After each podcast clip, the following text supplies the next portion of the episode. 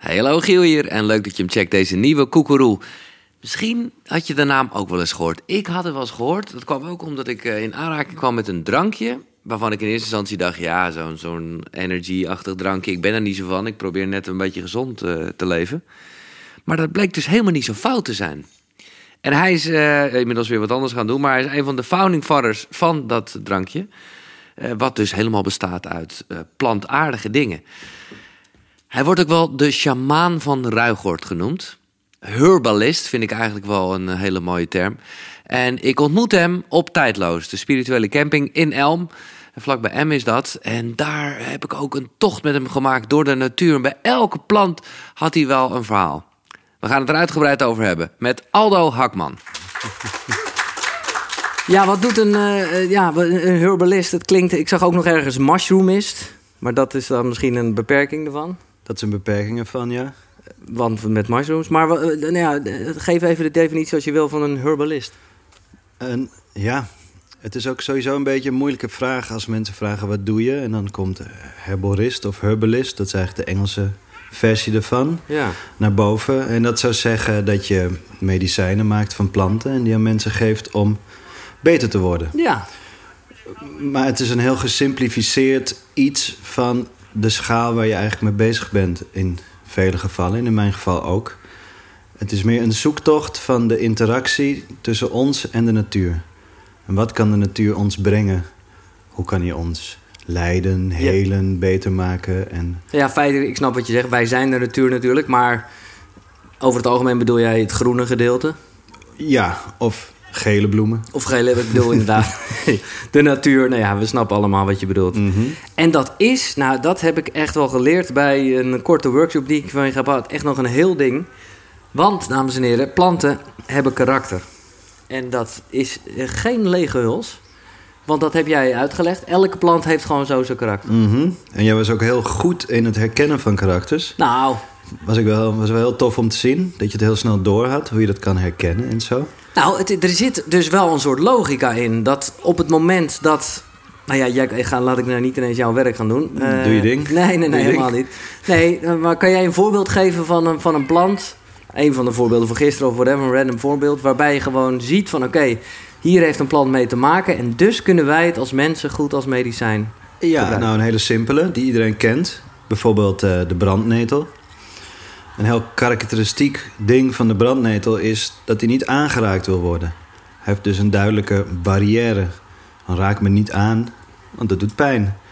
En toevalligerwijs is die plant ook heel goed voor je huid. En op een energetisch niveau helpt hij heel erg voor mensen die een probleem hebben met hun grenzen weer te geven. En dat is een heel simpel voorbeeld van hoe je kan lezen van... goh, een plant heeft hiermee te maken. Dus hij wordt heel goed Ja. In met zo'n probleem te dealen. Misschien dat hij ook mij als mens daarmee kan helpen... met eenzelfde soort probleem te dealen.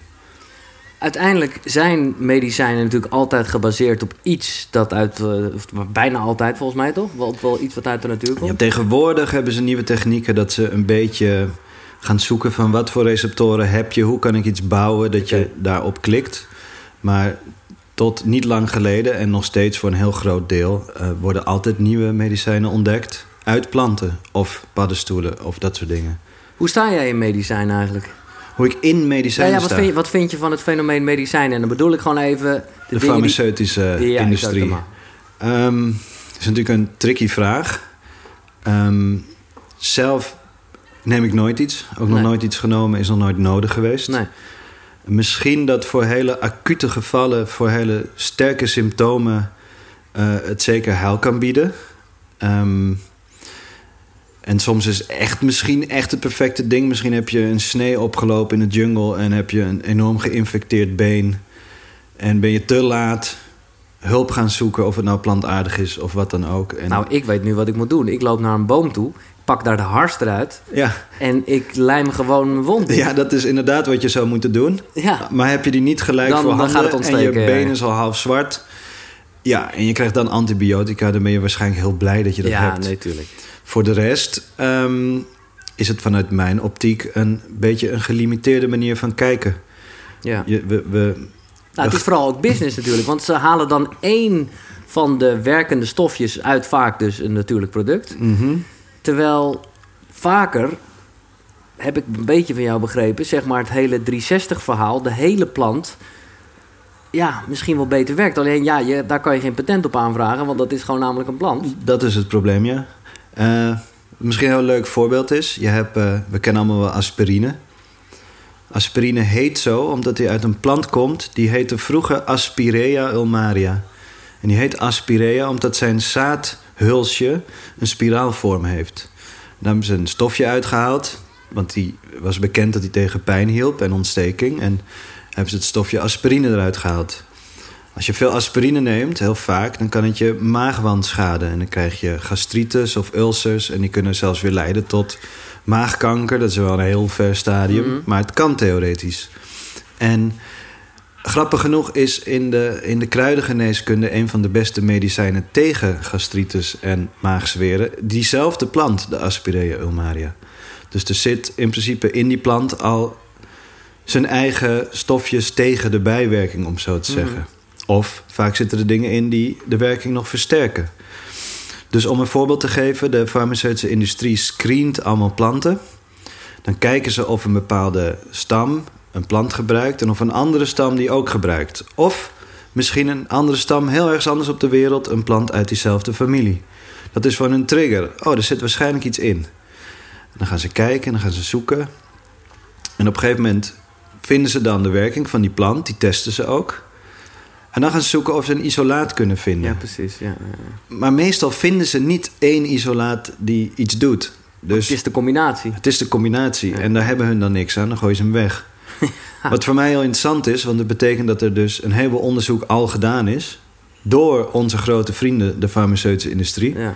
En die kun je gewoon bekijken. En dan zie ik, hé, hey, dat plantextract bleek te werken. Want ik ga gewoon dat extract maken. Want voor de duidelijkheid, dat is wat je doet. Ik zweet me kapot, maar dat is leuk, want ik kan nu een energy boost krijgen. Kijk, Omdat ik namelijk heel graag eh, even naar de tent wilde lopen waar ik dit drankje heb gekregen. Dat is het drankje wat ik dus eh, ja, recent een treetje van kreeg. En ik had het in mijn auto staan. Ik dacht, ja, ik ga het echt niet drinken misschien als ik echt vastkom in de file. Tot een vriendin van mij zei, nee, maar dit is echt wel goed. En dat blijkt jouw drankje te zijn. Nightwatch heet het. Mhm. Focus and Power. Eh, en daar zit dus... Ik weet niet het Guayusa in. Guayusa. Ja. Guayusa. En jij, eh, nou ja, hoe ben jij erachter gekomen dat Guayusa dat dat, dat, dat goede shit is? ik ben eh, even nieuwsgierig, tussendoor. Waarom wilde je hem eerst niet drinken? Oké, heel eerlijk, er staat Extreme Energy Drink op. En een soort heftige draak met een tand, met, met een tong. En ik dacht gewoon dat het Red Bull was. Ja, En ik moet zeggen, ik, ik had het ook verder niet goed bekeken. Ik was wat bevooroordeeld. eh, en ik heb wel toen, ik heb hem, had hem namelijk ook wel gedronken. En voor mijn gevoel was het ook echt Red Bull. Dus dat is wel een soort compliment. Want dat, dat effect had het namelijk. En nu zie ik ook, als ik het nu eh, met jou hier beter belees... dan staat er ook gewoon duidelijk 100% plant-based op de voorkant. Vegan en alles. Mhm. Eh, maar dat had ik gewoon niet gedaan. Het bevat voor 91% extracten uit gedroogde bladeren van die eh guayusa. Mhm. Dan verder nog wat water, citroensap, acetoncristaat, natuurlijke aroma's en wat koolzuur. Hoog cafeïnegehalte. Ja, dat is top gewoon. Mhm. Eh, maar dat was de reden. Ja, Extreem. Ja, ik weet niet. Ik was juist zo gezond bezig. ja, ik ben het helemaal mee eens. Maar goed, het is, het is dus helemaal niet zo extreem. Ik snap wel overigens dat het beter is om te doen. Want je moet je wel richten op de gewoon Red Bull meester. Wil Weet ik niet. Ik wil wel een slok, doe maar Ja. hier. Maar jij, ja, jij hebt dit ontwikkeld. In zekere zin, ja. Maar het is ook een soort samenloop van omstandigheden geweest. Het begon met ehm, een hele goede klant, een vriend van mij. Die heeft een groothandel in eh, shamanistische planten vooral. Oké. En ik was daar kind aan huis.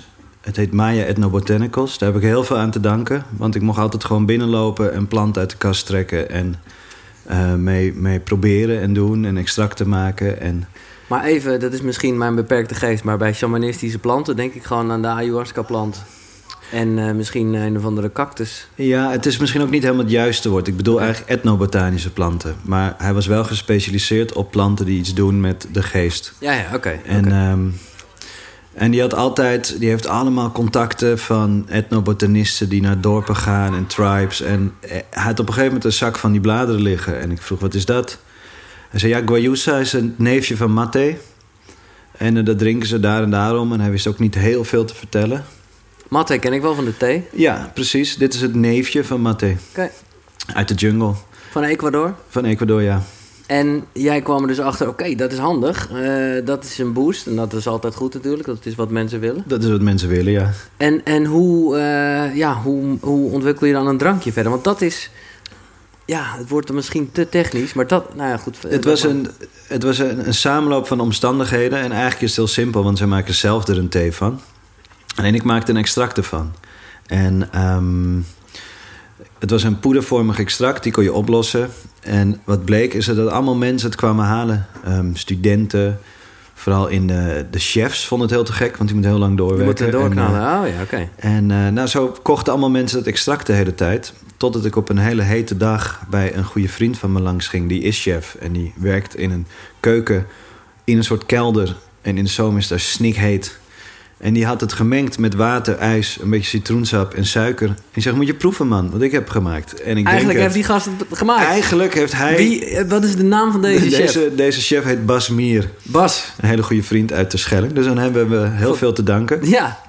En eh, toen zijn we die receptuur een beetje gaan aanpassen. En zonder suiker, et cetera, et cetera. En uiteindelijk zijn er nog een heleboel mensen mee betrokken geweest... die een smaakje of een tip hadden en een dit en een dat. Dus om... Eigenlijk zijn de uitvinders de mensen die die plant hebben ontdekt. Dat zijn de Quichua uit Ecuador. Ja. Die informatie is gewoon bij mij toevallig langsgekomen.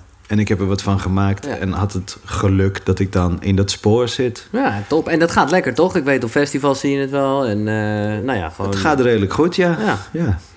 Maar, en misschien wordt dit te technisch, maar dat realiseerde ik me gewoon toen ik jouw verhalen hoorde vertellen bij zo'n beetje elke plant die we hier tegenkwamen in een toch redelijk doorsnee Nederlands bos. Mhm.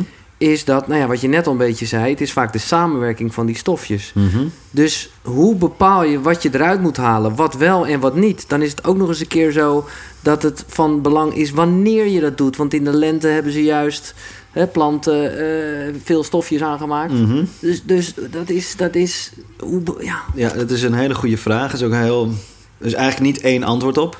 Want niemand weet het. nee, oké. En ehm, nou, in dit geval dus... Oké, er zit cafeïne in.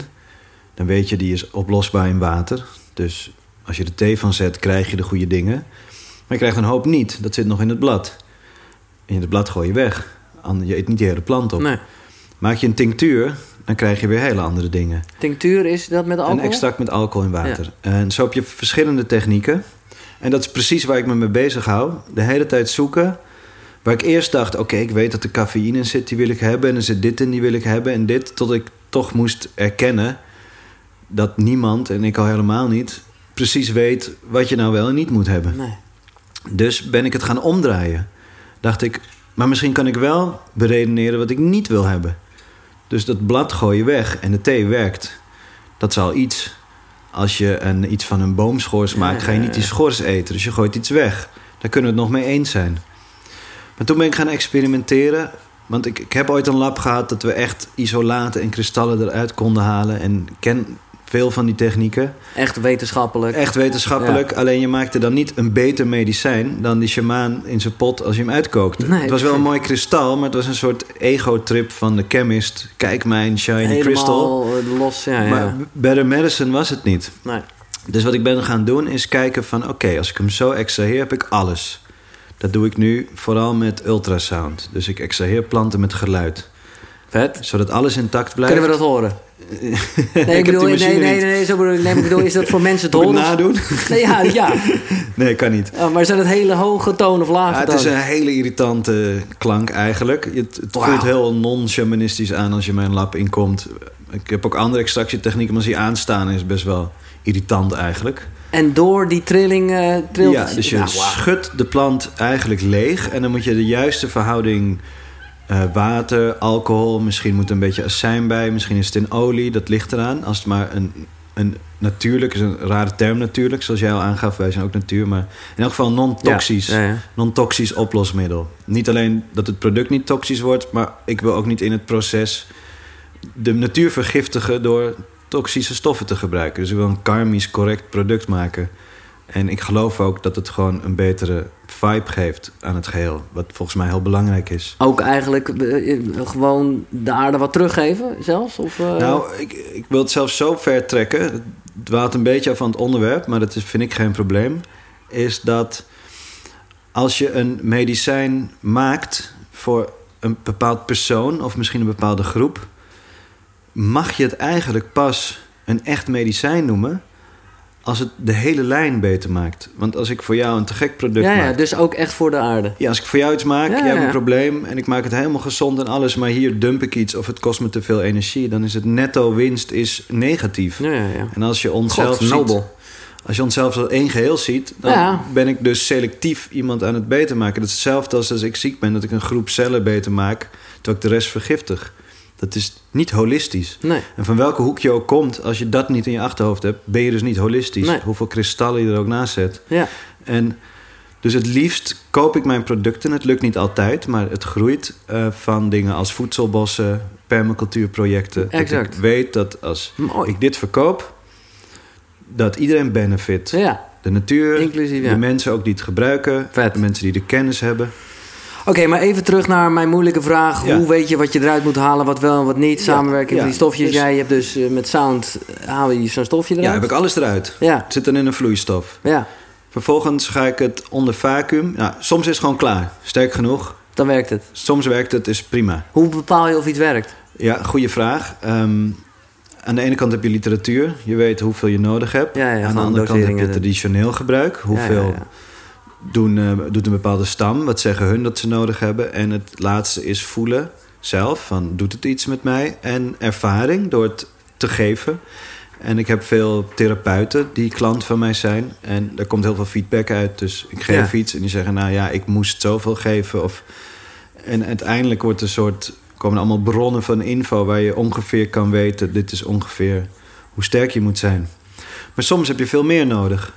En dan concentreer ik de hele boel onder vacuüm... zodat nog steeds de temperatuur niet boven 38 graden stijgt. Dus alles blijft precies intact zoals die plant het heeft gegeven. En dan ga ik, nu geef ik allemaal geheimen weg voor de luisteraars thuis... Die ook een lab willen doen. eh, Ja, precies.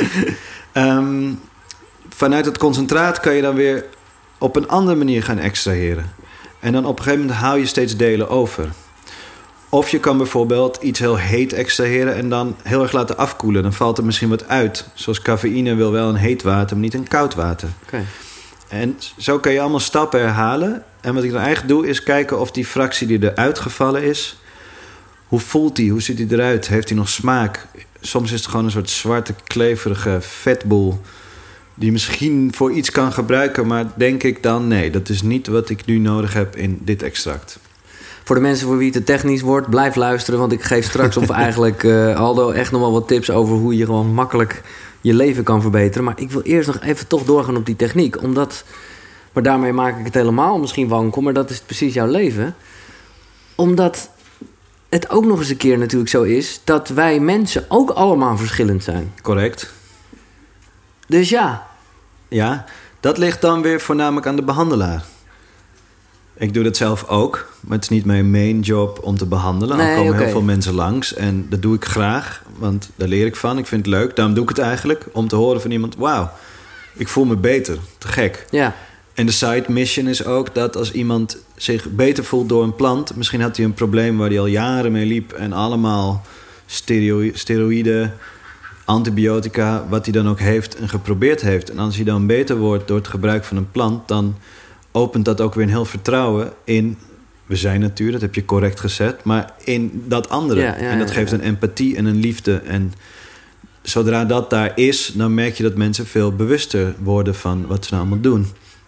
Ik ben een beetje afgeleid van je vraag, merk ik. Waar waren we? Nee, het is ook. We gaan even weg van de techniek. Of althans in zoverre. Wat ik namelijk het mooie vind, is dat jij op een gegeven moment ook een beetje weg van de techniek bent gegaan. Als in, dat geef je net al een beetje aan. Ik had eerst een lab, helemaal kristallen, wetenschap. En vervolgens ben jij, nou ja, ik denk naar Zuid-Amerika gegaan. Of wat ben je? Dat deed ik eerst. Oh, dat deed je eerst. Ja, ik ben eerst, zodra ik met school, naar Zuid-Amerika Oké. gegaan. Ja, want ehm, ik wist al vrij jong dat ik dit werk wilde doen. Oké. Alleen er was geen opleiding voor. Dus ik dacht, ja.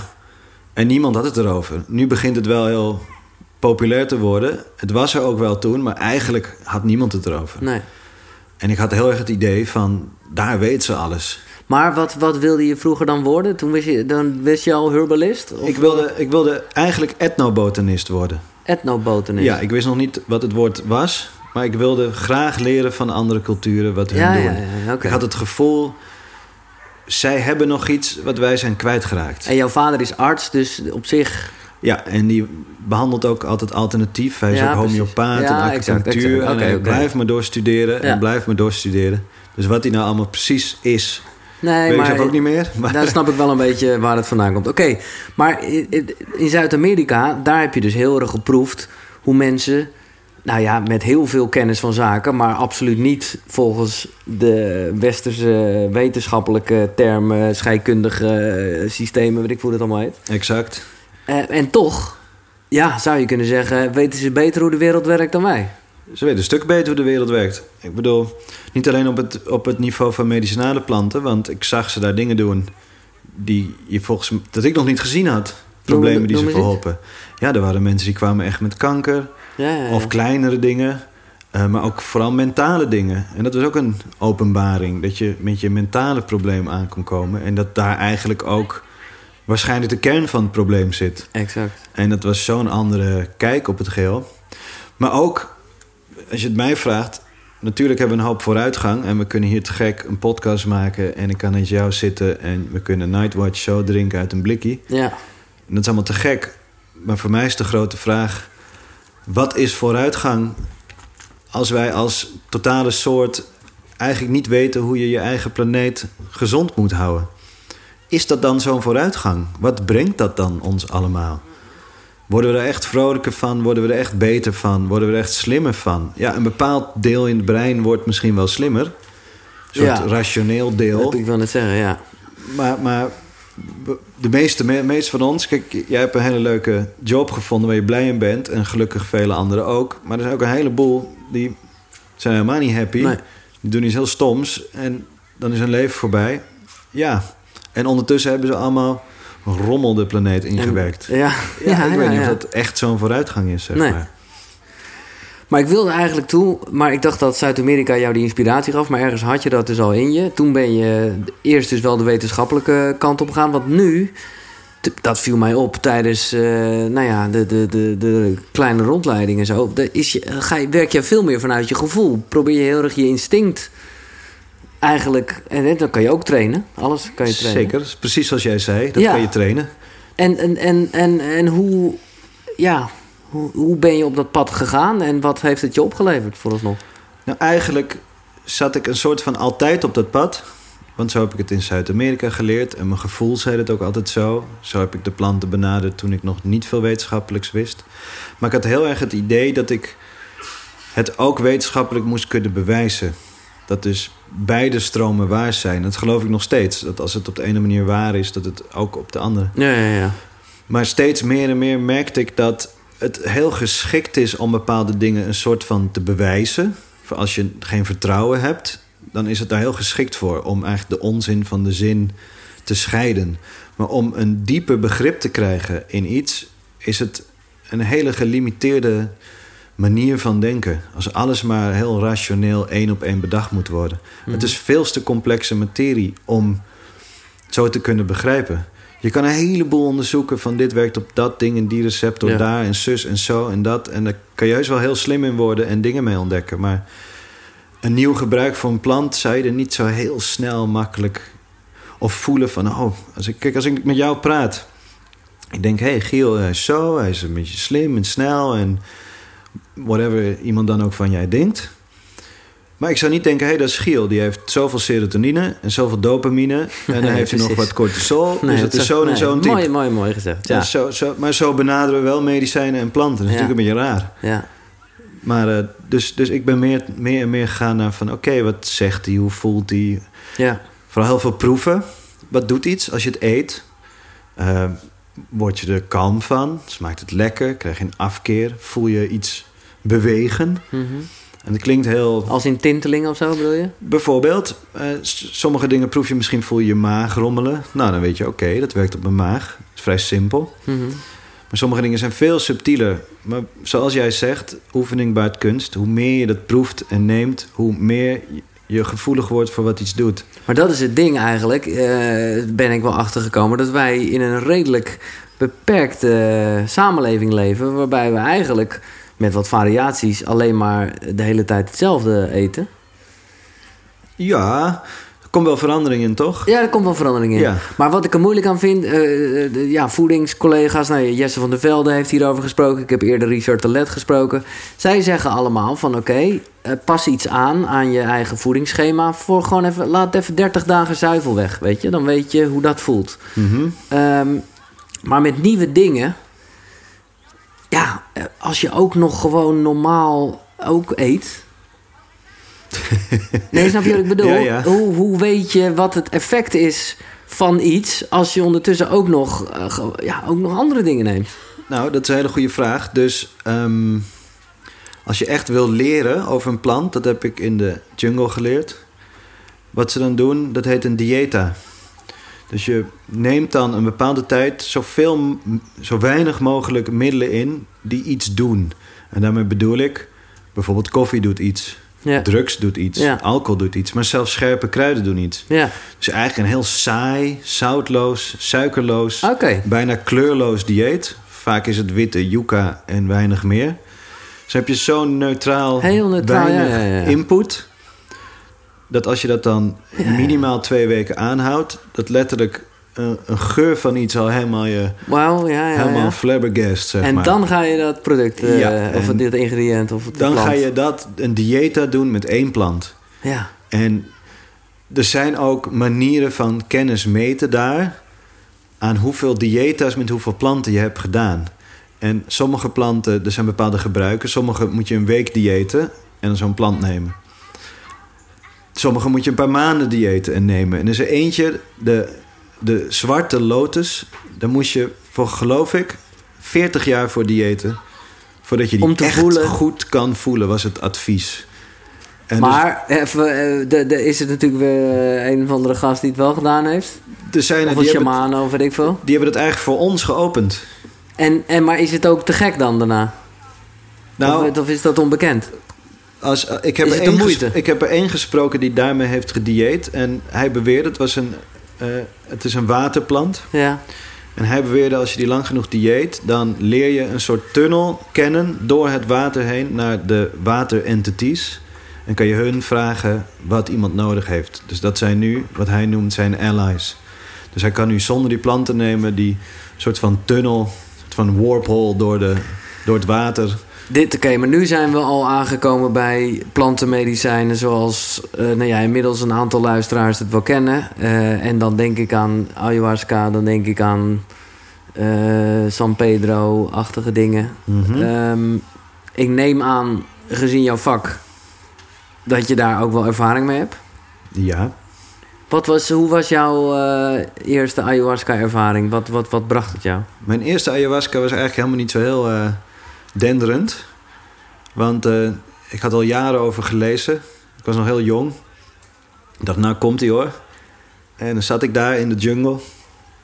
Oh, je hebt het gelijk ook even helemaal in de jungle ja, gedaan ik ben natuurlijk. daar. Dat, dat ging was in. Zuid-Amerika, ja, dat ja, moet, natuurlijk, ik, moet ja, ik vet. uitproberen. En we moesten, het was een heel avontuur. Je moest met een soort bootje gingen we, met een kano. En op een gegeven moment gingen we naar links zo de begroeiing in. Ik dacht dat hij gewoon aan de kant ging, maar toen ging je er doorheen. Toen was er een geheime plek. Een geheim meer noemde hij het. En er was een soort drijvend eiland. En er waren overal kaaimannen. Nou, ik vind het wel vet. eh, Super vet. En, en die gaf, toen werd het nacht en zag je al die oogjes zo licht geven. En dat, dat was zo'n drijvende hooibaal waar we op... Weet je, het voelde niet heel safe. En toen gingen we dat drinken. En eh, ik denk eigenlijk dat ik zoveel spanning en verwachting ja, had... ja, ja. dat er eigenlijk gewoon bijna niks gebeurde. Niet eens overgeven, ja, dat hoefde ik trouwens ook niet. Nee, er gebeurde eigenlijk bijna helemaal niks. Ik, en, en, en Maar ook niet eens een inzicht of een nee, eigenlijk was het inzicht toen... ehm, niet te graag willen. Nou, ik weet niet of ik mezelf dat heb wijsgemaakt, maar mijn inzicht toen was: ja, ik heb dat allemaal niet nodig. Ah. Dat had ik mezelf toen verteld. Maar het, ik denk dat ik eigenlijk gewoon. Ik vond het eigenlijk gewoon veel te spannend Ja, om ja, ja. daar op die plek me helemaal te laten gaan. Want Ja. dat moet je, is verstandig om een soort van te doen. Ja. Dus eh, dat. Heb je later wel een keer gehad dat het eh Zeker weten. maakte? Ja, Ja, ja, zeker weten. En dat is... Je kan een momentopname nemen, maar... ehm, wat, het, wat denk ik een van de belangrijkste dingen is die het me heeft laten zien... is op een gegeven moment laat het je, tenminste niet per definitie... maar op een gegeven moment zie je je eigen trauma's... je eigen pijnlichaam waar je altijd maar omheen manoeuvreert. Met woorden, met acties om er niet daarbij te komen. En het kunnen hele simpele kleine dingen zijn. Het hoeft helemaal niet een gigantisch trauma te zijn, maar hele kleine dingen. Misschien iets dat je vader zei, of je moeder, of iets dat op school gebeurd is. Het kunnen subtiele dingen zijn, maar het kunnen ook heftige dingen zijn. Maar juist die kleine subtiele zitten verstopt. Ja, Die heftige is duidelijk, ja, ik werd toen gepest, dus en dat zijn dan toch daardoor, ga je dingen uit de weg of reageer je anders op dingen in het dagelijks en, leven? en dat werd dan eerst duidelijk. En toen werd op een gegeven moment duidelijk... ehm, hoe ik eigenlijk andere mensen pijn deed. Onbewust. Echt pijn is misschien een groot woord... maar kan zeker wel plaatsgevonden hebben. eh, omdat je uit een soort van angst of een veiligheidspatroon... ehm, dingen zegt en doet. En op een gegeven moment zag ik dus Ja. mij in allemaal situaties... vanuit de ogen van anderen en bepaalde belangrijke dingen van... oh, toen deed ik dit, oh, toen deed ik dat. Oh, dat was helemaal niet leuk voor diegene. Dus non-intentioneel ja, ja, ja. Benadeel je eigenlijk Maar anderen. dat is toch niet, eh, dat, dat, dat heb je toch tot de dag van vandaag? Of ben je een soort supermens geworden? Nee, helemaal niet. Oh, nee, maar, eh, maar je hebt er wel een hoop wel van goed. geleerd. Ja, nee, dat begrijp ik goed. Het is hopelijk een stuk verminderd. Ja, ja, ja, ja. Je wordt je iets bewuster. En eh, het is niet natuurlijk een instant verlichting Nee, of zo. nee, nee, het, het nee, helpt je een beetje... Iets te, te zien. Ja, Maar kortom, dat leek me ook wel gezien je werk. Jij gelooft heel erg in de, de, de werking daarvan. Hoe gek vind jij het eigenlijk dat, dat er bepaalde natuur dus verboden is? dat is natuurlijk belachelijk. Ja, hè? Ja, dat slaat natuurlijk echt helemaal nergens op. Nee. Wij bedenken nu dat dit plantje niet meer mag. Ja. Maar eh, er zit een geschiedenis vol van. En eh, ja, dat heeft natuurlijk, heeft natuurlijk met van alles te maken. Aan de ene kant een soort angst misschien voor dingen. Maar aan de andere kant klinkt misschien een beetje, beetje conspiracy. Of hoe je dat ook tegenwoordig Ja, noemt. ja, maar toch? Maar ik denk best dat het niet zo fijn is voor bepaalde systemen... als het Nee. te makkelijk is voor mensen om door bepaalde dingen heen te breken. Nou ja, je zou rustig kunnen zeggen dat als mensen dat, dat, nou ja, dat gewoon het systeem, noem ik het maar even, gewoon niet meer gaat werken dan. En ik weet ook niet wat het dan wel wordt. Maar Dat is de grote vraag. Wat Ja. wordt het dan wel? ja, Ehm, maar het is precies zoals je zegt. Een heleboel dingen zullen niet meer werken als wij niet eraan meedoen. Wij, dus als je iets tegen het systeem hebt... dan moet je altijd bedenken... hoe ben ik dat aan het voeden? Want wij creëren het met z'n allen. Er zijn Ja. misschien wat mensen wat hoger op de piramide... en misschien hebben die hele goede technieken om jou te laten waar je bent. Maar uiteindelijk doen we het allemaal zelf. ja. Dus Ja, maar goed, het is niet te doen. Eh, als ik ja, niet laf om maar gewoon de handdoek in de ring te gooien. Maar kijk, ergens is het vooral goed om te bedenken dat, nou laat ik even een hele obvious nemen, geld gewoon een concept is wat we bedacht hebben en waar zo wel een soort van voordelen aan zitten, maar waarvan je ook kan denken, hoezo doen we het zo en waarom doen we het niet gewoon in diensten en liefde of weet ik veel wat. Maar ja, eh, de- ja, Ja, maar je kan niet het middel de schuld van iets geven. Geld is een middel, het is Ja. een energiestroom. En dat kan je misbruiken, kan je goed gebruiken. Ja. Dus ik denk Ja, niet dat zo. geld aan zich het probleem is. nee. Want dat kan iedereen natuurlijk beseffen. Maar wat is, dan, eh, wat is dan een systeem waarvan jij wel denkt... daar kan je niet aan meewerken... en dat zouden wij met z'n allen omver kunnen werpen... en dan zijn we een stapje dichter bij een mooie wereld? Nou, heel simpel. Ehm, neem bijvoorbeeld bepaalde producten. Ja. Als jij weet dat bepaalde producten van een eh, producent... neem een Nestlé... dus die zijn helemaal niet gezellig voor onze planeet. Dus Als we allemaal nu bedenken, daar kopen we niks meer van... nou, houdt het op. Wegsysteem. Zo simpel is het. Ja. Maar ja, in de praktijk is het toch iets gecompliceerder. En aan de andere kant kan je kiezen, waar stem ik dan wel op? In principe is dat je stembiljet. Je hebt eigenlijk maar twee stembiljetten. De ene is, wat doe ik? Wat maak ik? Wat creëer ik voor realiteit? Dat, daar stem ik voor. En wiens creatie wil ik steunen? Dus wat creëer jij voor realiteit? En dan is geld mijn middel Om te zeggen, ik vind jouw realiteit tof. Jouwe wil ik ook Bam. zien groeien. En als we daar gewoon onze keuzes streng in maken... of streng is misschien het juiste woord, maar wel... goed- Je goed Over nadenken. ja, goed over nadenken, goed inlezen van wat, wat steun ik, wat doe ik. Ja, ja, ja, ja. Het zou heel simpel moeten zijn. Ja. Nee, maar ik denk ook, en dat zijn ook wel initiatieven die je ziet, toch? Met het product uit de buurt kopen, allemaal dat soort. Zeker, eh, inderdaad, je noemt het al eh, eh, perma, eh, bossen, zeker, dat soort dingen. zeker. Die gebeuren ook. En ja, uit de buurt is natuurlijk hartstikke leuk, maar als het uit de buurt komt en het verneukt nog steeds de boel, Nee, nee, dan hebben niet we er per nog niks definitie aan. te dus, dus volgens mij is de main vraagstuk altijd bij elk ding dat je support. En ik weet dat het niet altijd kan. Ik bedoel, niemand kan dat perfect Nee. doen. Wij drinken hier ook uit een plastic beker en Ja. we verbruiken ook stroom. Ja. Maar je kan je altijd afvragen wat voor impact heeft dit op de natuur, op de, op de, op de hele ecosysteem. En kan ik het nu anders doen? Kan ik er iets anders voor Ja, kopen? ja. Inderdaad, ja. Oké, dan maar gelijk even als we toch helemaal... Hè, het woord conspiracy is al gevallen, dus dan eh, is de link snel gelegd. Vaccins. Dat is enigszins jouw vakgebied, of althans, het zit in het medicinale. Hoe, eh, ja, wat, wat vind je van vaccins? Wat vind je ervan? Nou, oké, laat ik hem eh, kort door de bocht eh, stellen. Heb jij eh, je eigen kind gevaccineerd? Ehm, ik weet niet of dat hier de plek is om zo'n Nee, discussie te openen. Daarmee geef je het antwoord al enigszins, dus dat is voor mij voldoende. Dat Ja. hoef je ook helemaal niet te zeggen. Ehm, aan de ene kant, wat ik heb geleerd, dat leer ik met mijn biologiestudie en zo, hoe het werkt, is vrij geniaal.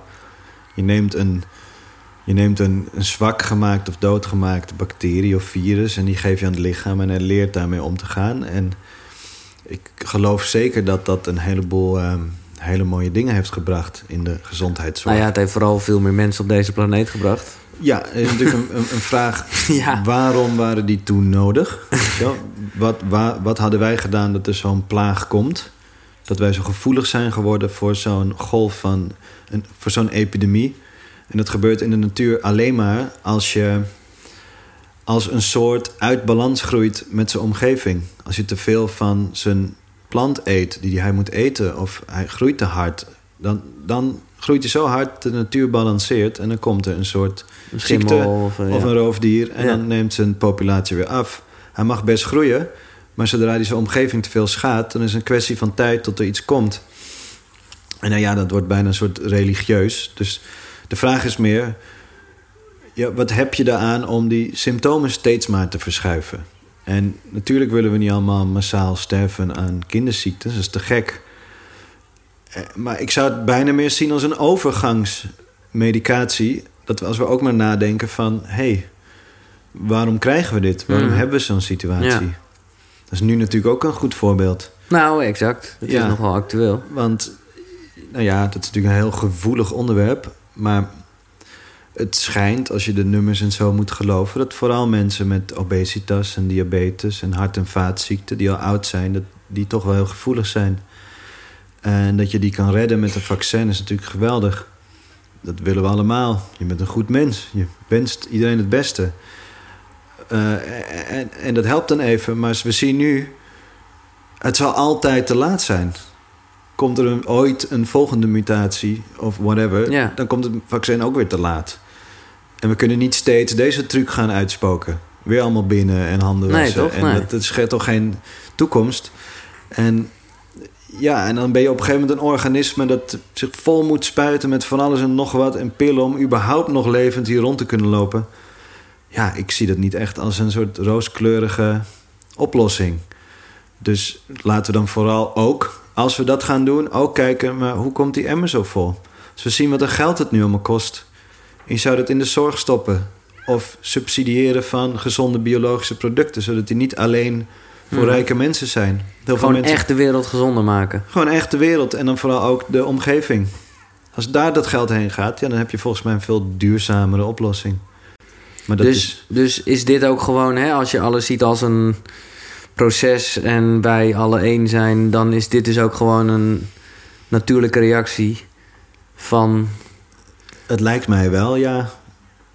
Het lijkt mij wel. Als je met zoveel op elkaar zit en... Kijk, het klinkt misschien een beetje... Ik wil niet oordelend klinken, maar... als je dus als je ziet waar die onderliggende ziektes vandaan komen, zoals diabetes, obesitas, hart- en vaatziekten, Mhm. komt vaak door een bepaald dieet. Ja, En meestal door een bepaald dieet van producten die niet zowel voor jou als voor de planeet niet goed zijn. Dus je hebt er in de zekere zin voor gekozen. En dan wil ik even buiten zijde laten gewoon gezonde mensen die heel oud zijn en zwak, of net die pech hebben die eigenlijk heel gezond leeft, maar net daar niet tegen kon. Dat heb je natuurlijk. ja. Maar het gros, ja, die, die, die hebben daar heel lang voor gekozen. Dus Ja, je bent je al ziek aan het maken. En dan op een gegeven moment komt er een druppel. En dan kunnen we allemaal heel pijnlijk gaan doen om die druppel. Maar Maar kijk, wat ik er zo moeilijk aan vind, is dat zeg maar ons instinct, zou je kunnen zeggen, ons eigenlijk in de steek laat. Hè? Omdat wij nog steeds dat jagersinstinct hebben, zo lang is dat niet geleden. Dus wij denken gewoon, we hebben vetten nodig, we hebben suiker nodig. En het liefst blijf ik zo lang mogelijk zitten, want dan spaar ik energie. Dat is gewoon een soort standaard ding wat in onze mind zit. klopt. Ja, Klopt aan de ene kant. eh, klopt dat. Want normaal krijg je als je genoeg suikers en vetten binnen hebt... vanzelf genoeg vitamine en mineralen. Want er hangen in de natuur geen suikerklontjes aan de boom. nee. Of plassen met vet Nee, die je nee, op kan ja. drinken. Ja, Dus we zijn inderdaad zo getriggerd. Maar aan de andere kant, wat je ook ziet... is dat mensen, als die overstappen op een heel gezond dieet... ja, dat ze dat veel meer op prijs gaan stellen. ja. En dan helemaal niet meer die andere troep willen eten. Dus er zit blijkbaar ook een instinct die dat ook prima weet. Ik denk dat een groot probleem is dat je al heel jong allemaal lekkere koekjes met een, met een of ander plaatje van een leuk dingetje. Ja, ja, ja. En dat krijg je als je je mond niet houdt. En dan wit brood met dingen. En je wordt ook een beetje zo getraind. En het komt overal voorbij in de media en de dit. Dus je wordt in zekere zin een beetje gebrainwashed. Hmm. Met een vetverslavend middel zoals suiker en vet en koolhydraten. Dus als Aldo Hakman de baas van deze wereld is, dan zouden gewoon bepaalde producten verboden worden of gewoon fucking duur. Eh, verboden is natuurlijk een hele moeilijke. Ja. Want dan maak je een soort Nee. gouden kooi, Ja, zeg maar. nee, precies, ja. Ehm, Maar een suikertax, om maar iets te noemen. ja, het is een hele goede vraag. Ik heb nog nooit nagedacht over wat ik zou doen als ik de baas van de wereld was. Nou, doe dat eens even. Maar ik zou dan, denk ik, zoveel mogelijk... Als je bijvoorbeeld heel veel subsidie geeft aan...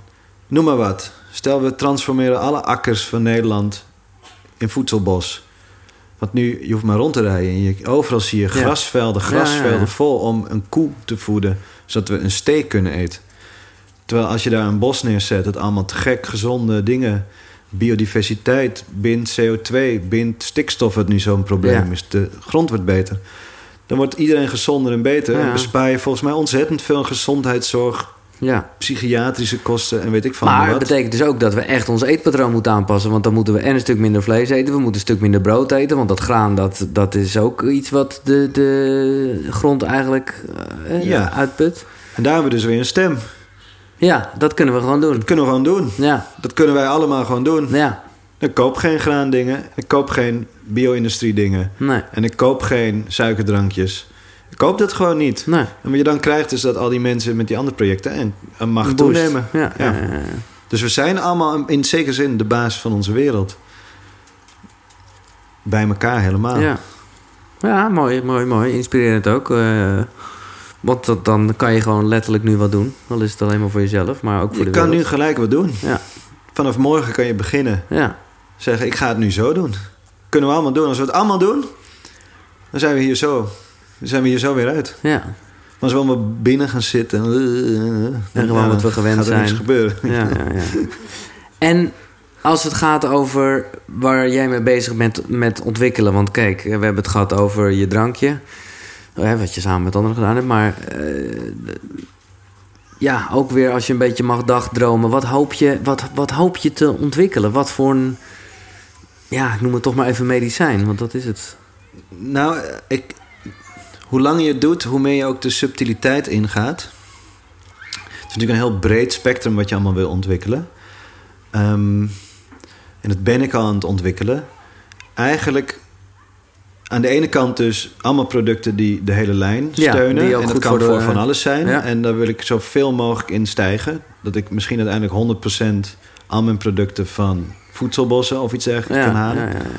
Dat is voor een heel breed spectrum. Maar aan de andere kant is natuurlijk de ultieme zoektocht... is iets dat jou helemaal in jouw essentie en kracht kan brengen. En het hoeft niet met extreme ayahuasca-rituelen. Het kan soms met hele subtiele dingen... kan dat jouw essentie versterken. En daar, daar ben ik nu veel mee bezig. Hoe kan je op een subtiele manier... want zodat dat versterkt wordt... ja, dan, ik geloof dat het dan heel mooi wordt... als iedereen lekker op zijn plekje staat... en geen onzin doet. Maar dat zijn dus wel dingen die even iets aan je mind veranderen als je het neemt. Hoeft niet. In principe verandert alles je mind. Ja. Weet je wel? Ja, true. Je koffie, eh, Ja. je voelt je anders naar een hamburger dan naar een salade. Dus, maar niet in de zin dat je denkt, zoals als we het over ayahuasca hadden. Ja, Maar zo. het kan op zo'n subtiele manier. Neem bijvoorbeeld... eh, waarschijnlijk is een van de grootste problemen tegenwoordig stress. Mensen zijn gestrest, ze gaan naar hun werk. Ze denken ook, ik moet dit doen. Ze hebben een koffiemachine. Dan hoef je dan op de knop te drukken. Want je energie valt weg om dat werk te doen. Maar je drukt op de knop, je krijgt het weer. Maar wat doet koffie? Koffie versterkt je cortisol. Het versterkt de aanmaak daarvan. Dus je hebt altijd een soort onderliggende angst. Heel veel mensen hebben een soort angst. Dat ze dat moeten doen. Ze hebben geen keus. Ze moeten dit maar blijven doen. En er zijn hele subtiele planten die eigenlijk die angst wegnemen. Zonder dat je het doorhebt. Als je niet al gestrest was, zou je het niet merken. Maar je denkt opeens, oh, wacht eens even. Waarom, waarom ben ik hier eigenlijk? Wat heb ik nou te verliezen als ik het anders doe? En het zou niet bam op de een of de andere kant zijn. Maar het is stap voor stap. Maar daar, daar, ben je, daar zit je goed in, eh, want dat klinkt echt top dit. Ja, ja, ik ben... eh, ik heb al wat toffe dingen ontwikkeld. En nu in samenwerking met... Dat is mijn nieuwe businessmodel, om het zo maar te noemen. Ik heb geleerd wat de moeite het is een merk op de markt te Ja. zetten. En dat het absoluut niet mijn talent is.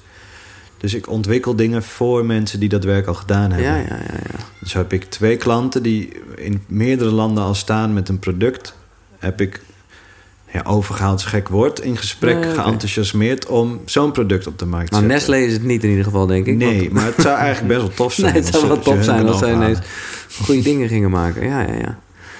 En dan, als het gaat over medicijnen en eh, planten en dingen testen en zo.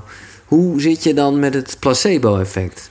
Ja, die is fantastisch. Ja, nee, want het werkt. Hm? Alleen daardoor, ik bedoel, ik geloof dat de hele farmaceutische industrie voor een groot gedeelte afhankelijk is van het placebo-effect. Omdat iedereen gewoon denkt, ja, het werkt. Zeker omdat weten. ze denken dat het werkt. Zeker weten. Ja, Ze hebben zelfs heel diep onderzoek daarin gedaan. Dat is natuurlijk voor een heel belangrijk onderwerp. Wat doet het placebo-effect? En daar is uitgekomen dat tot 70% van de werking... 70%? Uit, 70 uit placebo komt. En dat hebben ze ook onderverdeeld in bepaalde elementen. Dus de ene is vertrouwen in de behandelaar, meestal Ja. de arts. Nou, die krijg je door je witte pak en je diploma aan de muur. Want je hebt wel vier, vijf jaar gestudeerd. Dan weet je alles. Eh, je komt in een soort van eh, religieus instituut... Ja. waar alles clean is en Ja. rondloopt en zo. Dus dat geeft een soort Eh, allemaal, vertrouwen. Ja. Ehm, een hele leuke is begrip in de werking van het medicijn.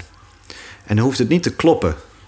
Dus als ik zeg, ja, als jij dit drinkt... dan komen er allemaal mannetjes... en die gaan in jouw aderen rondwandelen... met een, met een, met een grote veger... en die Ja, halen ja. alle troep weg. En Zoals de gelooft, tandpasta-reclames heel vaak zijn. Ja, Ja. en jij gelooft dat echt. Dan elke keer als jij dat medicijn neemt... dan denk je, oh, die Je mannetjes... eh, visualiseert ja. dat blijkt dus gewoon te helpen. Hoeft niet eens te kloppen wat het doet. Ehm, dan is het of je liefdevolle omgeving hebt, of je vrienden hebt, familie, of je gelukkig bent. En het laatste is je setting. Zit je in een wit hok of kijk je uit op groen? Dat maakt Ja. dan verschil. En dat samen is tot 70%. Dus de grotere vraag is: hoe zetten we dat positief in? In plaats van, oh, dan telt het niet. Het telt ook. Nee, het telt ook, want het werkt. Dat is het, ja. Dus hoe zet je dat in? En dat is... Vroeger deed je dat door het ritueel. Dat, dat bracht Ja. die magie, Ja. zeg maar. Ja. En eh, tegenwoordig kun je dat misschien doen met een goed verhaal. Nou ja, precies. Ik zit me ineens te bedenken... misschien hou je ons allemaal wel voor de gek met je Nightwatch drankje. Misschien hou ik mezelf wel voor de gek. En, en eh, zeg je gewoon heel erg, je krijgt er energie van... en denk ik nu, oh, ik heb er wel energie van gekregen. Ja, het maakt niet uit. Het is natuurlijk nog mooier als je ook die 30% waar hebt. Ja, Dus dan zit je maar in tune. ja, Er zijn dingen die echt wat doen. ja. En bij Nightwatch Ja. is het makkelijk, want als ik jou niet vertel wat het is... en je drinkt dat hele blikje, zeg je bijna 100% zeker. Zo. Zo. Ja? Ja, ja, ja. Maar als je ook nog het hele verhaal van de Goyusa en de Indianen en de dit en je power en je zus en je zo lekkerder, en je ja. wauw en je drinkt het, yeah. Ja. Ho, ho, ho. Hoop eh, dingen om over na te denken. Omdat we vooral dus ook... Dat, dat hoor ik gewoon wel heel erg uit jouw dingen. Gewoon zelf wat bewuster moeten worden van de dingen die we nemen. Als je iets wil veranderen wel. nou ja, dat Niks moet, maar... Nee, maar dat, dat, daar ga ik ervan uit. Ja. Oké, ik heb jou gevraagd en ik ben heel benieuwd in welke hoek dat eh, bij jou zich afspeelt. eh, om drie boeken uit te zoeken eh, die ook ja, op jouw eigen spirituele reis, zal ik maar even zeggen, wat wij allemaal als mensen hebben, hebben geholpen. ja, dat was een hele goede vraag. En je hebt natuurlijk een hoop boeken die voor verschillende reizen een andere werking hebben. Ja, Dus ik heb me gelimiteerd tot deze. En ik ben heel dankbaar voor die vraag. Want het is ook leuk om weer even na te gaan. oké, maar Wat nog het eigenlijk was. Ja, oké. En het eerste boek, daar heb ik helaas geen titel van. Oké. Want ik was heel jong en ik heb ooit toen voor mijn verjaardag, geloof ik, van iemand een boek gekregen dat ging over de Noord-Amerikaanse Indianen en hun gebruik van alles. Ja, En het was natuurlijk allemaal heel stoer met pijlenbogen eh, en eh, cowboys en weet ik van maar wat. Maar er werd ook het gebruik van hun peyote-cactus in beschreven. En dat was ik vergeten, maar ik heb blijkbaar op mijn achtste daar een werkstuk over gehouden. wauw. En mijn moeder had die bewaard. En die heeft hem niet heel lang geleden laten zien. Weet je nog eigenlijk dat Nee. je toen... Dus ik heb toen op mijn achtste... En dat is toch ook zo'n soort plantenmedicijn à la ayahuasca? Precies, ja. eh, Wauw. Blijkbaar vond ik het toen zo intrigerend dat zij een plant hebben. En, en er stond ook een zin bij. En dat is een vrij bekende zin. Maar er stond een zin bij. The white man goes into his church and talks about God. We go in our teepee, take peyote and talk to him. Wauw. En dat vond ik zo intrigerend en ik vond ook hun energie zo tof. En eh, dat is denk ik een hele goede trigger geweest toen, Ja. want daarvoor wist ik niks. Nou, ik ben een eh, newbie op eh, dit gebied. Ik heb eh, nu een maand geleden voor het eerst ayahuasca gebruikt. Als je nog steeds denkt, wat is het? Een plantenmedicijn. En er is een hele andere aflevering die hier uitgebreid op ingaat. Maar jij hebt er verstand van. Wat, wat in, in de lijn zou jij mij aanraden? Want je hebt San Pedro, je hebt Wachuma. Hetzelfde. Dat is hetzelfde. Je hebt Cambo. Mhm. En je hebt waarschijnlijk nog vele andere. Vele andere heb je. Vele, vele andere. Het is hetzelfde als met andere plantmedicijnen. Het is een kwestie van kiezen wat jij nodig hebt en wat je zoekt. Ja, Dus de vraag is eigenlijk aan jou: wat wil je? Wat zoek je? Ik wil gewoon een zo optimaal mogelijk mens zijn.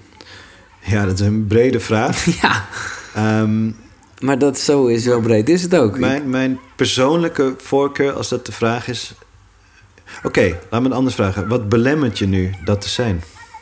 Angst voor eh, de buitenwereld en mezelf. En, eh, Je hebt toch geen angst voor de buitenwereld? ja, Je komt wel erg naar buiten voor iemand die angst ja heeft voor maar de daar zit buitenwereld. hem natuurlijk wel een beetje de grap. Ja, dat is je therapie eigenlijk. Nou, dat is, dat is een soort angst. Op, dat, is het, dat is het opzoeken. Terwijl ik dan toch eigenlijk heel erg bang ben om contact te maken met andere mensen. Bang ben voor de reactie, wat ze van me vinden. En ik ben daardoor heel erg dingen gaan doen en juist gaan schreeuwen om het juist wel op te zoeken. Maar ik merk aan alles dat daar echt wel mijn zwakke plek zit. Mhm. Nou, dan zou je bekijken aan de ene kant... als je denkt van, hé, hey, er is ooit iets gebeurd... of er is iets in mijn opvoeding... dan inderdaad kan een ayahuasca heel geschikt zijn... omdat je kan zoeken van, hé, hey, wat is er gebeurd... Ja. dat ik die angst heb Dat gekregen. heeft, ja, want want eh, dit gaat al snel over zelfliefde. En een gebrek daaraan, of een, nou ja, eh, hoe zeg je dat? Ik denk dat we het allemaal hebben, alleen je moet even een deurtje weten te vinden. Mhm. Dat heeft mij daar heel erg in geholpen al deze Mhm. eerste keer, moet ik zeggen. Mhm. En dan vind ik zelf, is een van mijn favoriete planten om mee te werken... dat is de Wachuma, oftewel de San Pedro. Ja, Hij heet San Pedro, want hij heeft de sleutel tot de hemel. Net als Sint Pieter. En ehm, dat doet hij ook. Als je hem goed neemt in de goede setting... dan laat hij een plek zien waar jouw hemel zit. Hij opent voor jou mijn de deurtje. eigen hemel. Mijn Ja. eigen, mijn koekeroe. Mijn, mijn... Jouw koekeroe. Hij dan. opent jou naar jouw koekeroe. Oké dan. Dat is, dat is wonderbaarlijk. Ook mensen die ik hoor die dat ook proberen. Ehm mits het allemaal goed gaat. Niet dat het per se bad gaat, maar Nou ja. net als het placebo-effect werkt het heel goed in wat verzetting en een ding. ja. Ehm, niet van, oh, ik was even high, had een inzicht en ben weer geland. Maar wauw, er is iets open gegaan. Ja, ja, ik heb ja. mensen gehad die letterlijk een half jaar later nog komen en zeggen... Oh, weet je nog dat ik dat toen had geprobeerd? Eh, ja, ja, ik ben nog steeds... Ik dacht, ik Is val misschien weer terug. Of na een week ben ik weer depri. Ja, ja, of ja, nooit meer veranderd. Het is gewoon open gegaan en door. Bam. En het is ook een Oké. heel erg... ehm, hoe zeg je? Het is heel erg een missie versterken. Het, is heel erg een, het laat jou zien... Laat het zo zeggen. Als je een trauma meemaakt... heeft hij twee kanten. Aan de ene kant kan hij je verzwakken... Mhm. Maar het trauma, daar groei je ook van. Dat is Ja. ook een kracht. Ja. Dus ons is karakter is, gebouwd uit Ja. al die dingen. En waar de ayahuasca zegt... kijk, dat was je trauma. Kijk, kijk, dat heeft die zwakte gebracht. Niet dat dat geen kracht kan geven, dat wil ik Nee, niet nee, zeggen. Maar geeft een een inzicht. grove indeling. Ja. Zouden wat Juma zeggen... kijk, en dit is de power die je eruit kan halen. Zullen we die nu even aanzetten? Oké. Het is een fijne balans dat je niet iets onderdrukt... en wel het goede aanzet zonder iets weg te drukken. Dus dat is nog een nuance ding. Oké. Maar meestal doet hij dat. Dus ik zou jou, Ja. denk ik, die aanraden nu. Nou, bedankt voor deze tip. Eh, dan gaan we door met de boekentip. De boekentip. twee. De twee, tweede boek. Het tweede was eh, Plans of the Gods van eh, Albert Hofman en Schultes. En Schultes is een van de oer-etnobotanisten die Ja. als eerste de jungle inging. Ehm, Hofman kennen we allemaal van de uitvinder van de LSD, maar Ja. hij onderzocht allemaal planten. En Is dit, eh, ik snap heel erg eh, goed dat je het noemt, maar is dit te lezen voor leken of is dit wel... Het is hartstikke leuk. Het is Oh, echt? namelijk een hele fijne combinatie. Het is echt een classic boek op dit vakgebied. Met eerst verhalen over verschillende planten. Echt een beetje etnobotanistisch. Waarom maar niet te dit? technisch, dat bedoel ik eigenlijk. Het heeft van alles wat. Ja. Dus je hebt die verhalen. Ja. Dan komt er een indeling. Met eh, je hebt die plant, je hebt die plant. En dan staat er een beetje het kort het gebruik en de functie. En dan staat er ook in welke inhoudstoffen. Dus eigenlijk van welke hoek je ook komt. Het vertelt je iets over alles. Planet of the Gods. Nou, Plants of the Oh, gods. Plants of... Oh, dat Ja, is ja. natuurlijk logisch. Ja. Plants of... Ik vond het nog zo... Klinkt als een hele slechte film eigenlijk. Maar eh, nee, oké. Plants of the Gods. Oké, nou, dat, top. En het derde boek. Het derde boek is eh, van Manfred Junius, Plant Alchemy. Oké. En het is een heel goed boek. Het is heel technisch. Ehm, het is misschien niet de beste in zijn vakgebied, maar het is bij mij een boek dat op een gegeven moment de hele wereld van de alchemie opende. Wat een beetje een obscuur begrip was. Wat is alchemie precies? Dat is een goede vraag. Dat was mij dus ook niet helemaal duidelijk. Oké. Het is me nog steeds niet helemaal duidelijk. boek. Het werd eerst altijd zo voorgesteld als een eh, voorloper van de scheikunde. Ah ja. Maar ik ben erachter gekomen dat het het helemaal niet is. Het is dus een manier van de plant te benaderen, zoals ik dat eigenlijk doe. Maar dan hoe je die essentie eruit kan extraheren. Dat, dat karakter waar we het eerder over hadden. dus niet hoe extraheer je inhoudstoffen, Nee. hoe extraheer je essentie. Oké. Hoe extraheer je informatie. Mhm. En de main slogan, om het zo maar te noemen, is solve, uit elkaar halen. E, e coagula, is weer bij elkaar stoppen. Ja. Dus je haalt alle fracties uit elkaar, je schoont ze op en dan doe je ze weer samen. En je krijgt dan, als je het goed doet, met een druppel onder je tong, voel je gelijk het hele effect van die Ja. plant door je heen gaan. Nice. Wordt nu heel mooi gezongen daar. Ja, dat wordt, eh, nou ja, ik, vind het er allemaal bij horen. Heb jij eh, voor jezelf, want ik, ik, ik ken jou eh, niet, hoe, hoe leef jij? Heb jij zelf een ochtendritueel bijvoorbeeld? Ja, niet echt een ritueel. In de zin van dat ik eigenlijk... eh, ik heb nu een dochter, dus Mhm. als je een ritueel had, dan... eh, Dan is- Ja, ja, dat snap ik. Eh, ik sta op en ik ga douchen en ik wandel naar mijn lab. Ja. Daar komt het op neer. En, dan ga je nog werk. koud douchen of zelfs dat niet? Soms, soms douche ik koud Ja, als nee. ik een beetje energie wil. Soms spring ik in de rivier. Als ik frisheid nodig heb. Als ik voel van, goh, Ja. ik ben, ben niet goed geslapen of alles. Maar als jij niet lekker in je vel zit, wat doe je dan? In het bos wandelen. Ja. Ja, Nou ja, zo, zo simpel kan het zijn. En, en dat is natuurlijk ook wel vet bewezen dat dat werkt. that's it. Dan Ja. tune je in met iets groters. Ja. En dan langzaamaan ben je gewoon weer één daarmee. En wordt alles relatief. En gebruik jij bijvoorbeeld supplementen of iets? Nee. Nee. Eh, ik heb geluk dat mijn lieve vrouw ontzettend goed en gezond kookt. Voornamelijk eh, veganistisch. Mhm. Dus ik ben er heel blij mee. Ja. Eh, zelf, ja, ik geloof best dat je tekorten kan hebben. Maar ik geloof ook dat dat een beetje een soort opvulling is van iets dat je eigenlijk uit gewoon je dieet moet kunnen halen. En ehm, Maar denk jij dat... Kijk, dieren zijn daar natuurlijk... Ja, die denken er niet over na. Die gaan... Die, nou, als het gaat over instinct... Die zullen gewoon planten nemen, dingen eten... waarvan ze denken, oh, daar heb ik even behoefte aan. Dat is er ook. Ik heb dit nodig. Ik, hè, die hebben hun eigen medicijn ook wat dat betreft, toch? zeker, ja. Denk jij dat wij mensen ooit weer zo goed kunnen worden? Zeker weten. Ik Ja? bedoel, je was er al bijna, Giel, bij onze wandeling. Nou ja, Nou, echt. Ik bedoel, het is een manier van denken en Ja. voelen. En je zag, je hebt gewoon, ik weet het niet meer precies, maar ik was verbaasd. Op een gegeven moment raadde je gewoon de werking van een plant.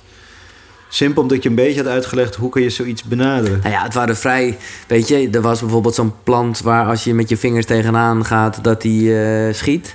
Ja, Eh, hoe heet het ook weer? de impatience die- plant. ja. Nou ja, ik, eh, natuurlijk is het best logisch om te denken... dat dat goed is voor vroegtijdige ejaculatie. Ja, nou ja, zo logisch is het voor velen dus niet. Nee, oké. Maar zo simpel is het ook weer wel. Ja. Nou ja, dat was mede door de eerdere voorbeelden hoor. Nu, eh, maar ja, ja, dus jij denkt wel echt dat dat, dat zit in ons. Het zit in ons, En ja. dat moeten alleen dat moeten we trainen. overheen. Ja. Dus ik doe vaker dat soort wandelingen. ja, ik vind het heel inspirerend. Dankjewel. Ja, Ehm, ik doe vaker dat soort wandelingen. En het is grappig om te zien. Soms heb je een hele gevarieerde groep. En één keer een heel leuk voorbeeld waar, was een groep met hele, noem het maar spirituele types.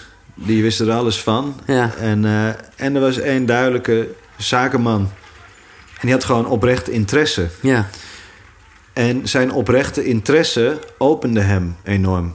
En de rest had al een idee dat ze het Eigenlijk voor... eigenlijk al wisten. Ja, ja, ja. En die man die shinede in de groep. Die zat helemaal, yeah, en die is dan zeker voor dat. En wauw, die moet ik hebben.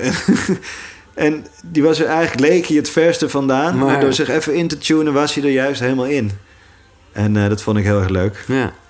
En toen, toen kwamen we op een gegeven moment... Die, die anderen waren allemaal aan het knuffelen met bomen en doen. Maar veel Ja. meer kwam er ook niet uit. En toen was er op een gegeven moment één uitgedroogde boom. Die stond zo een beetje gek tussen allemaal gezonden. En toen vroeg, vroegen ze... Maar wat is er met die boom in de hand? Zei ik, ja, he's been group hugged. Voelt zich allemaal heel schuldig. Maar als jij zelf... eh want ik hoopte eigenlijk dat jij wel supplementen gebruikt... want dat kon ik dan overnemen of zo. Maar laat ik het zo, zo, zo Ik gebruik zeggen. wel kruiden, maar geen supplementen. Oh ja. Ja, ja. Nee, maar zijn er producten waarvan jij denkt... En ik weet dat dat niet helemaal jouw stoel is om ineens een soort arts te gaan lopen zijn of zo. Maar waarvan je dan toch zelf voelt of denkt... Nou, daar zouden wij mensen eh, in Nederland toch eh, best wel wat meer van kunnen nemen. Omdat we dat in de basis niet doen, terwijl dat best goed is voor... Puntje, puntje, puntje. Nou, één plant is natuurlijk heel moeilijk. Maar één heel belangrijk ding denk ik dat voor iedereen hartstikke goed zou zijn. Ehm, zoals ik ook in de wandeling vertelde. Er zijn een paar dingen, maar één denk ik van de meest belangrijke dingen... is in het voorjaar je voorjaarsreiniging doen. En in het voorjaar beginnen, begint alles te stromen. Het ijs smelt, de rivieren gaan weer stromen. Eh, de beer komt uit zijn hol. Dan gaat hij berlaug. Daslook noemen wij dat, maar in Duits berlaug. Omdat de beer dat gaat eten. En ehm, zo slaapt ons lichaam in zekere zin ook in de winter. Wat doet het voor die beer dan? Nou, de beer, die, die, als hij in zijn winterslaap is, staat alles stil natuurlijk. Hij krijgt zelfs een prop op zijn kont, Oh, dat hij niet uitdroogt. En het eerste wat hij doet als je hooit komt, is heel veel van de berlauw eten. Een laxerend middel. Een laxerend middel en een heel sterk reinigend middel. En dan toch? kikt hij dat aan en je krijgt ook power als je dat eet. Je voelt je ook zo sterk als een dus beer. top. Dus daar komt misschien ook de naam van. Ja. Maar, ehm, daslook is hier beschermd, maar je kan het zeker planten. En er zijn ook plekken waar je heel veel kan vinden. Dan kan je Maar prima sorry, wat plukken. maar wat moeten we dus in het voorjaar doen? Ja, oké, wat gebeurt er? Dus in de winter sla je, gaat, je- gaat je energie gaat naar binnen. Je slaat voeding op. Hmm. Je wilt vasthouden. Ja, Je bent niet echt aan het stromen. Je bent Nee. ook allemaal wat langzamer. We hebben een soort semi-winterslaap ja eigenlijk. eigenlijk wel, ja. En Spijsvertering gaat ook langzamer ja, en alles gaat langzamer. En je wil natuurlijk energie bewaren voor de Ja. koude maanden. Maar op het moment dat het lente wordt, gaat alles weer stromen. Ja. En jouw cellen gaan letterlijk hun ontgifting doen. Dat doen de bomen ook. En je ziet het juiste moment aan alle planten die dan groeien. En als je een beetje kennis hebt en je weet welke je moet hebben, dan kan je dan gaan opletten. Hé, hey, die groeien, ik ga ze nemen. Ik ga heel veel daslook eten. Nou, dan loop je helemaal leeg in alle kleuren. en, en je drinkt thee van die kruiden. Dan help je het lichaam in, op het juiste moment met het proces daar hij mee bezig is. Een soort frisse start voor jezelf Frisse start voor het jaar. En zouden we dat allemaal doen, dat zou al zo ontzettend veel schelen met... Dus in plaats van dry January zouden we dry eh, May of zo moeten hebben? Ja, het begint een beetje april, mei, Ja. het wordt steeds warmer. Maar da- dan zou je eigenlijk minimaal een weekje moeten detoxen met die dingen uit jouw omgeving. En dat, ik, ik denk, ik ben redelijk overtuigd, dat dat gewoon bakken met gezondheidsproblemen Ja, maar zou dit schelen. soort dingen, jongen. Hele natuurlijke processen die eigenlijk ook weer zo logisch zijn als je het zegt. Want ja, lente, hè, spring, we weten allemaal waarvoor het staat. Ja, Maar we doen er niet zoveel mee. we doen het niet. Ik vergeet het ook wel eens. Ja. Ik denk wel eens, shit, de tijd Maar- is alweer voorbij. Ik heb niet genoeg gedronken. Maar hoe zie jij de toekomst in? De toekomst. Ja, gewoon met. de- de- heb je, want ik, ik denk wel van ja. Wie gaat de verantwoordelijkheid nemen om dit eh, te verspreiden? Bedoel je puur plantmedicijn of de gehele samenleving? Ja, gewoon deze kennis. Deze kennis. Eh, nou, ik zit hier toch? Ja, dat is waar. Ik zou graag een, ehm, op een gegeven moment wel daar eh, een onderwijsvorm in willen ontwikkelen. En sterker nog, eh, het ligt heel erg in een hele warme kast. Zijn we met wat. Ik heb op een gegeven moment medische basiskennis gedaan. Ja? Puur omdat ik dacht van ja, dan heb ik daar ook een papier voor. Ja, ja, ja. En eh, dan eh, krijg je helemaal dingen. En dat was hartstikke leuk. En het bleek dat de directeur van het bedrijf... die was op een gegeven moment meedoen met een ceremonie. En die was ook degene die mijn diploma had opgevouwen. Oké, dus En- daar kwamen de werelden samen. Ja, en daar is het plan uitgekomen om een mooi onderwijssysteem Ja. hiervoor te maken. En, eh, maar we zijn allemaal ook bezig. En we willen heel graag. Maar het zijn ook weer positieve dingen. Want door corona moesten we veel meer online dingen doen. Ja, ja. Dus wat we willen gaan aanbieden is een combinatiepakket dat je en officieel je medische basiskennis hebt. Dus dan mag je allemaal bepaalde dingen wel. Je kan ver- vergoed worden door je verzekering. Je mag Mhm. officieel praten met arts en zo. En dan ook dat kruidendeel. Dat lijkt me wel leuk. Dat je dat in elk geval al beschikbaar maakt voor een hoop mensen. En heb jij enig idee wanneer, want dat heeft me wel, eh, daar ben ik nieuwsgierig naar. Dat goedje waardoor we ons even helemaal onszelf voelen? Ja, hij is bijna klaar. Hij is klaar. Hij wordt binnenkort in productie genomen. Oké. Ehm, Wat eh, kan je erover zeggen? nu nog niks. Oké. Maar de, eh, de, de doelstelling was, de vraagstelling was van oké, hoe. Het was makkelijk om iemand energie te geven of rustig te maken of zo, maar hoe kun je jezelf in, in een soort zen-modus Ja. krijgen? Ja. Dus niet dat je suf bent, niet kalm, Gewoon- niet onderdrukt, maar gewoon gefocust en zen. Ja. En dat is heel wat eleganter om te maken dan weer een slaapmiddel of een Precies. oppepper, En want dat is gewoon geen- cafeïne. Ja, precies. Ja, dat is gewoon een pepper En toen hebben we die testen uitgestuurd. En toen kregen we echt terug van verschillende kanten. Precies wat we horen wilden. Ja, ik weet niet, het voelde of ik twee uur gemediteerd had. En helemaal lekker in me. En ik was, dacht, yeah. Nou oké, mocht je nog een extra proefpersoon eh, zoeken... Ik dan stuur je eh, wat op. hou ik me van harte aanbevolen. Ehm, met jouw, ja, toch maar even zeg ik, shamanistische eh, achtergrond... want eigenlijk ben je dat gewoon. Een medicijnman in de goede zin van het woord. Zoiets. Eh, hoe kijk je aan tegen de dood? Ja. Wat ik denk, Ja? Nou ja, het is, dat is het enige wat kan. en ik kan natuurlijk alleen maar denken. Ja.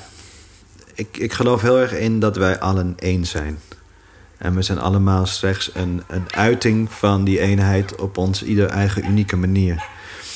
Alleen als alles alleen maar één is, ja, dan staat het stil en is het niks. Want het Mhm. wordt pas wat in, in vergelijking met iets anders. Ja. Dus ik geloof dat het één zich op een bepaald niveau heeft opgedeeld in oneindig mogelijkheden. Zodat hij zichzelf kan zien en van kan ontdekken. Zo ben jij een andere ik. En leren wij elkaar kennen. En leren we van elkaar, maar eigenlijk van onszelf. Want zoals jij zegt, die goeroe zit al in jezelf. Ja. En ik geloof dat als ik overlijd, dat ik dan mijn pakketje kennis... die ik heb opgedaan weer mee terugbreng naar dat al. En wat er dan vervolgens gebeurt of uitkomt, weet ik niet zeker. Ik weet ook niet of ik dan één op één reïncarneer... of dat het gewoon Nee. een soort grote mixing Energie, gaat... en ja. weer nieuw iets Ja, uitpopt. ja. Maar ik geloof dat je gewoon weer, gewoon weer één wordt. En ik heb dat gevoel regelmatig ervaren met bepaal, in bepaalde ceremonies... in die eenheid zitten. ja. Ik ben zelfs wel eens vergeten dat ik eigenlijk een mens was. Heerlijk. Of dat er drie dimensies waren. Of iets als een aardbol. Er was gewoon alleen eenheid. Ja. Inderdaad, een heerlijke eenheid. Tot ik dacht... Ik ben, ik, volgens mij ben ik iets vergeten.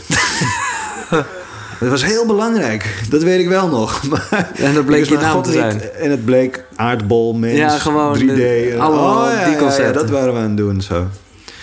Dus dat geloof ik, dat je, dat gebeurt bij de dood. Ja. Ja, ik vind het super mooi werk dat je doet. De producten die je maakt. Hoe je vooral nou ja, denkt aan de hele wereld. En dus altijd wat terug wil geven. Eh onwijs dank voor je tijd. Mag ik applaus voor Aldo Hakman. Heel erg nice. Eh, misschien zijn er vragen vanuit het publiek. Dan kan dat. Moet je even... Oh ja, ik heb geen, ze hebben geen microfoon. Dus dan moet je gewoon even heel hard schreeuwen. Dat kan. Ik moet Of- alleen heel veel naar het toilet. Ja. Als jullie vragen hebben, graag. Dan beantwoord ik die graag. Ja, bedankt gaat- Giel Ja. voor het podium en de mogelijkheid. En, de Ja, ik, we gaan het echt nog eh, een keer doen. Want ik, ik, ik merk echt, ik heb nog veel meer vragen. Maar ik zit te kijken en ik weet, we zitten alweer meer dan een uur te lullen. En ik wil juist graag dat veel mensen het luisteren. Mhm. Dus we gaan het nog een keer eh Lijkt me te gek. overdoen. Ja, lijkt me super tof. Kom naar Zwitserland. Wat is er in Zwitserland? Daar woon ik. Oh, oké, top. En dan gaan we daar op de berg zitten. Ja, Gaan we het nog eens doen. Nadat ik dat product getest heb, want dan ben ik sharp as hell. Nou, en het leuke is, als ik dit nu zo terug eh, bekijk en luister... dan kan ik gewoon zeggen, ja, het heeft plaatsgevonden. Ik ben naar Zwitserland gegaan. Heb daar inderdaad met Aldo op eh, zijn bergtop gezeten. En we hebben het over hele mooie dingen gehad. Waarover later meer. Want ik zat toch te denken, de kennis die hij heeft over de kruiden... Ja, ik, vind bijna zonde dat er eh, nou ja, niet zoveel mee gebeurt. Dus binnenkort de Koekeroe Kruidenlijn, ik zweer het je. Eh, daarvoor hou je natuurlijk de website in de gaten. Dat is, kom maar door Wim, ja hoor, qqru.nl. En nu je zover gekomen bent, vond je het blijkbaar leuk. Eh, bedankt voor het luisteren. En vergeet niet even te delen, recensie achter te laten, duimpjes omhoog of doe iets. En graag tot de volgende. Zonnegroet. Hoi.